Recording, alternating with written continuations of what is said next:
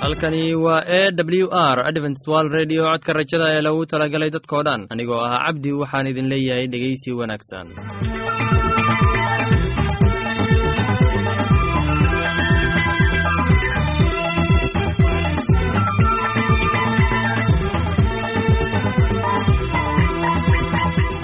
barnaamijyadeena maanta waa laba qaybood. Qaybta kuwaad waxaad ku maqli doontaan barnaamijka nolosha qoyska. Kadib waxaa inoo raaci doonaa cashar inaga yimid bugga nolosha.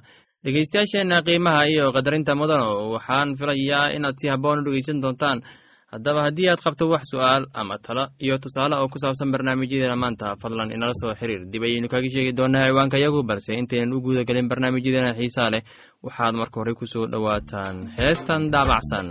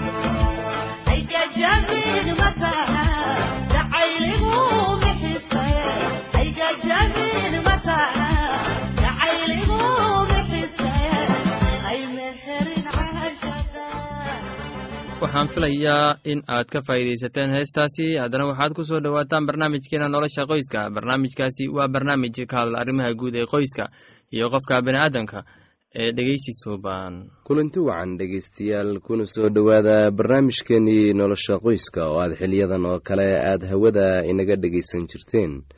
Maantana mowduuceena wuxuu ku saabsan yahay dhar mayrista iyo sida loo hagaajiyo qof ayaa hadda ka hor yidhi waxyaabaha wanaagsani waxay kaaga dhow yihiin neebsashada duleedada sankaaga nuurka indhahaaga ubaxa cagahaaga waajibkaaga oo aad gacmahaaga ku gudato markaad waddada rabbiga qaad oo mar.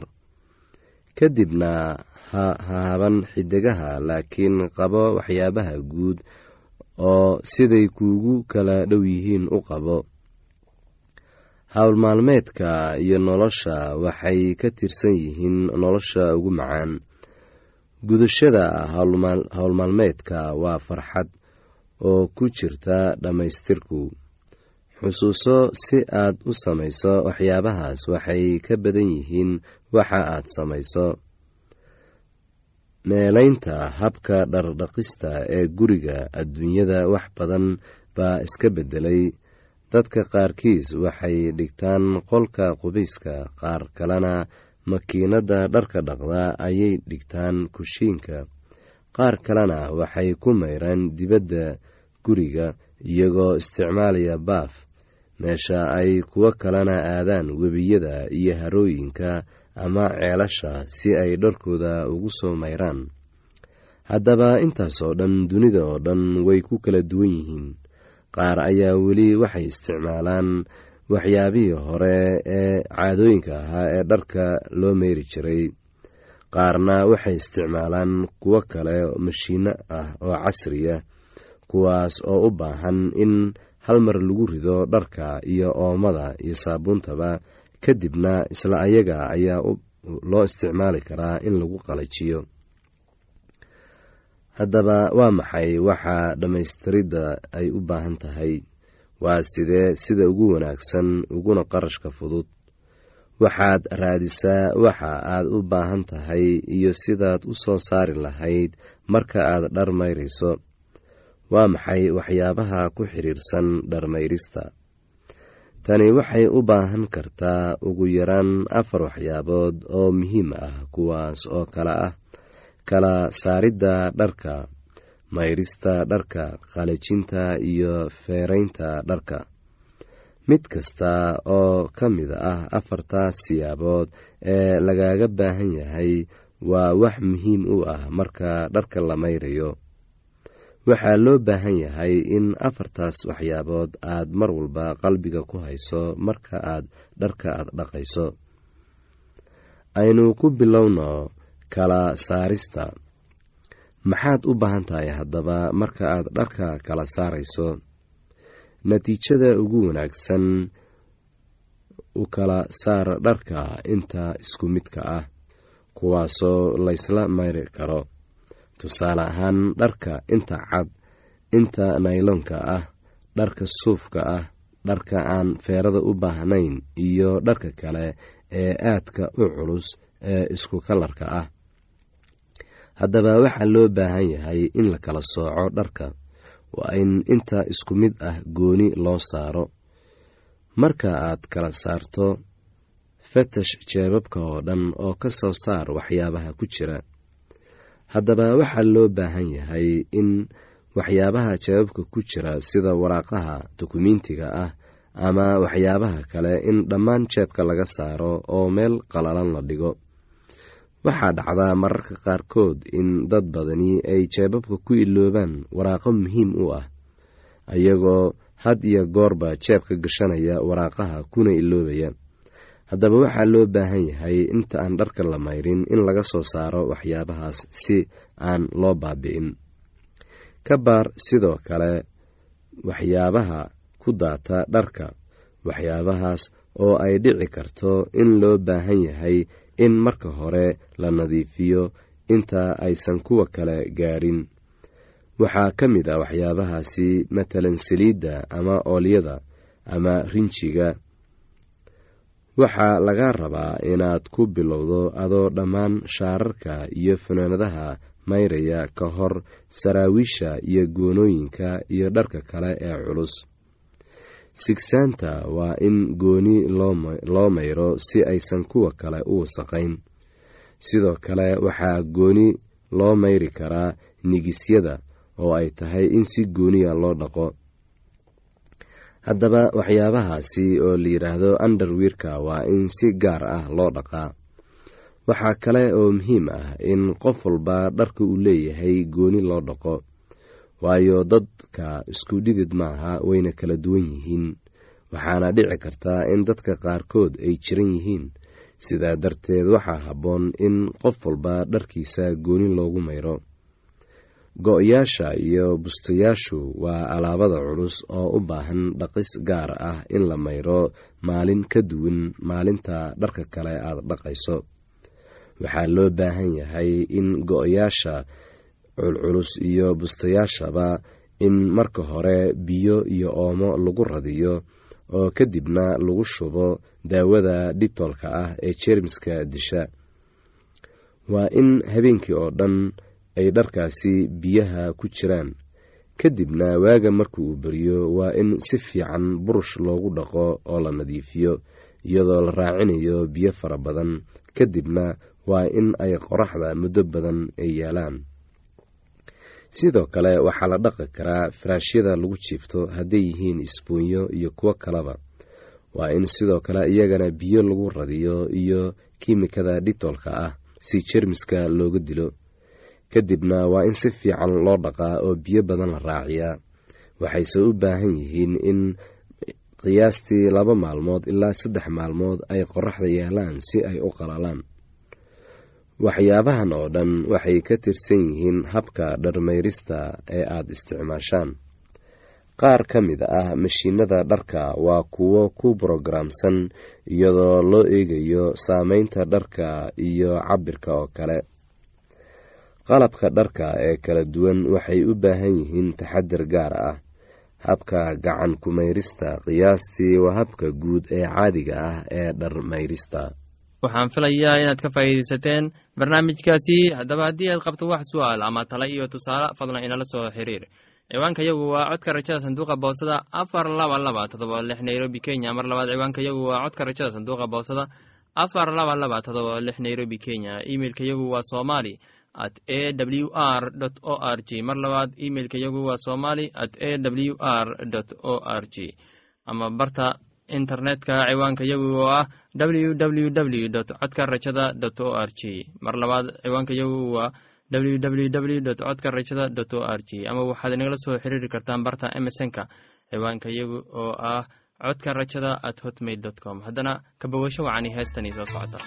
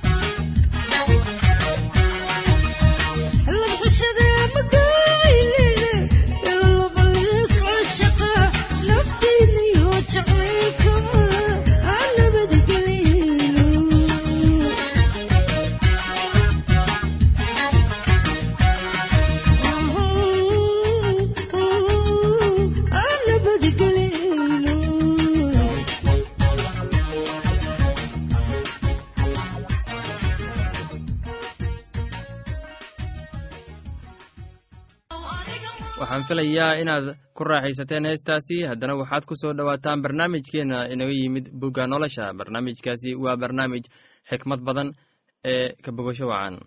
Oo malaa'igtii rabbigu waxay ku tiri iyadii bal eeg uur baad leedahay. Oo wiil baad dhali doontaa. Magaciisana waxaad u bixin doontaa ismaaciil. Maxaa yeelay rabbigu waa maqlay dhibaatadaadii oo dadka dhexdiisa wuxuu ku noqon doonaa sida dameer banjoog ah. Gacantiisu nin walba gees bay ka noqon doontaa oo nin walba gacantiisuna gees bay ka noqon doontaa isaga. Wuxuuna degganaan doonaa walaalihiis oo dhan hortooda oo waxay magicii rabbigii la hadlay iyada u bixisay waxaad tahay ilaaha wax arka waayo waxay tidhi weliba miyaan halkan ka arkay weliba miyaan halkan ka arkay kan i arka. Sidaas daraaddeed ceelkii waxaa loo bixiyey bicir laharyoor bal eeg wuxuu u dhexeeyaa kaadesh iyo bered oo xageer waxay abrahm u dhashay wiil oo abramna wuxuu wiilkaasi xageer dhashay u bixiyey ismaaciil. Abramna wuxuu jiray lix iyo siddeetan sannadood markii ay hagaar ismaaciil u dhashay abram oo markuu abram jiray sagaal iyo sagaashan sannadood ayaa rabbiga u muuqday oo wuxuu ku yidhi waxaan ahay ilaaha qaadirka ah hortayda ku soco oo mid eed la ahow oo axdigaygan kula dhigan doonaa oo aniguna aad baan ku tarmin doonaa markaasuu abram wejiga u dhacay oo ilaah baa la hadlay isagoo ku leh bal eeg axdigaygii waa kula jiraaye oo adigu qurumo badan baad aabbe u noqon doontaa. Magacaagana mar dambe lama odhan doono abram laakiin se magacaagu wuxuu noqon doonaa ibraahim. Waayo waxaan kaa dhigay qurumo badan aabbahood. Aad baanan ku badin doonaa oo qurumo baan kaa samayn doonaa. Boqorona way kaa soo bixi doonaan. Oo axdigayga waxaan ku adkayn doonaa dhexdaada iyo farcankaaga kaa dambeeyaba tan iyo qarniyadooda oo dhan waana axdi weligiis waara. Kaas oo ah inaan adiga ilaah kuu noqdo iyo farcankaaga kaa dambeeya. Oo waxaan ku siin doonaa adiga iyo farcankaaga kaa dambeeyaba dhulkii aad sodcaalka ku ahayd. Kaas oo ah dalka kancaan oo dhan inuu idiin ahaado hanti aad weligiin lahaataan aniguna waxaan ahaan doonaa ilaahood oo ilaah wuxuu ibraahim ku yidhi adigu waa inaad axdigayga xajisaa adiga iyo farcankaaga kaa dambeeyaba tan iyo qarniyadooda oo dhan. Kan waa axdigayga aad xajin doontaan oo inoo dhexeeya aniga iyo adiga iyo farcankaaga kaa dambeeyaba mid kasta oo lab oo idinku jira waa in la gudaa oo waxaad iska gudi doontaan buuryadiinna waxayna calaamo u noqon doontaa axdiga ina dhex yaal aniga iyo idinka. Kii siddeed maalmood jira oo idinku dhex jira waa in la gudaa mid kasta oo labtan iyo qarniyadiinna oo dhan. Ha ahaado kii gurigaaga ku dhashaa ama kii lacag lagaaga soo iibsado shisheeyahana oo aan farcankaaga ahayn. Kii gurigaaga ku dhashaa iyo kii lacagtaada lagu iibsadaba waa in la gudaa. Axdigayguna wuxuu jidhkiina ku noqon doonaa axdi weligiis waara oo buuryaqabka lab oo aan buuryadiisa laga gooyin. Midkaasu waa ka go'i doonaa dadkiisa waayo axdigaygii buu jebiyey oo ilaah wuxuu ibraahim ku yidhi naagtaada saarayna magaceeda waa inaadan ugu yeerin saaray laakiinse magaceedu wuxuu ahaan doonaa saara oo iyadan barakadayn doonaa oo weliba wiil baan kaa siin doonaa iyadan barakadayn doonaa oo waxay weliba ku dhali doontaa wiil oo wiil oo waxay noqon doontaa quruumo hooyadood heestaasi iyo casharka buugga nolosha ayaanu ku soo gabgabayneynaa barnaamijyadeena maanta. Halkaad inaga dhegeysanaysaan waa laanta afka soomaaliga ee codka rajada ee lagu talagalay dadkao dhan. Haddaba haddii aad doonayso inaad wax ka faa'iidaysataan barnaamijyadeena sida barnaamijka caafimaadka barnaamijka nolosha qoyska iyo barnaamijka kitaabka quduuska fadlan inala soo xiriir. Ciwaanka yagu waa codka rajada sanduuqa boosada afar laba laba todoba lix nairobi kenya. Mar labaad ciwaanka yagu waa codka rajada. Sanduuqa boosada afar laba laba todoba lix nairobi kenya. Imeilka yagu waa somali at a w r o r g mar labaad imeilka yagu waa somali at a w r o r g ama emesonka oo ah codka rajada at hotmail dot com. Mar labaad emesonka yagu waa codka rajada at hotmail dot com. Ama barta internetka ayaad ka akhrisan kartaan barnaamijyadeena iyo ka maqasha sida w w w dot codka rajada dot o g dhegeystayaasheena qiimaha iyo qadarinta mudan oo barnaamijyadeena maanta waa naga intaas. Tan iyo intaynu hawada dib ugu kulmayno waxaan idin leeyahay sidaas iyo ammaano allah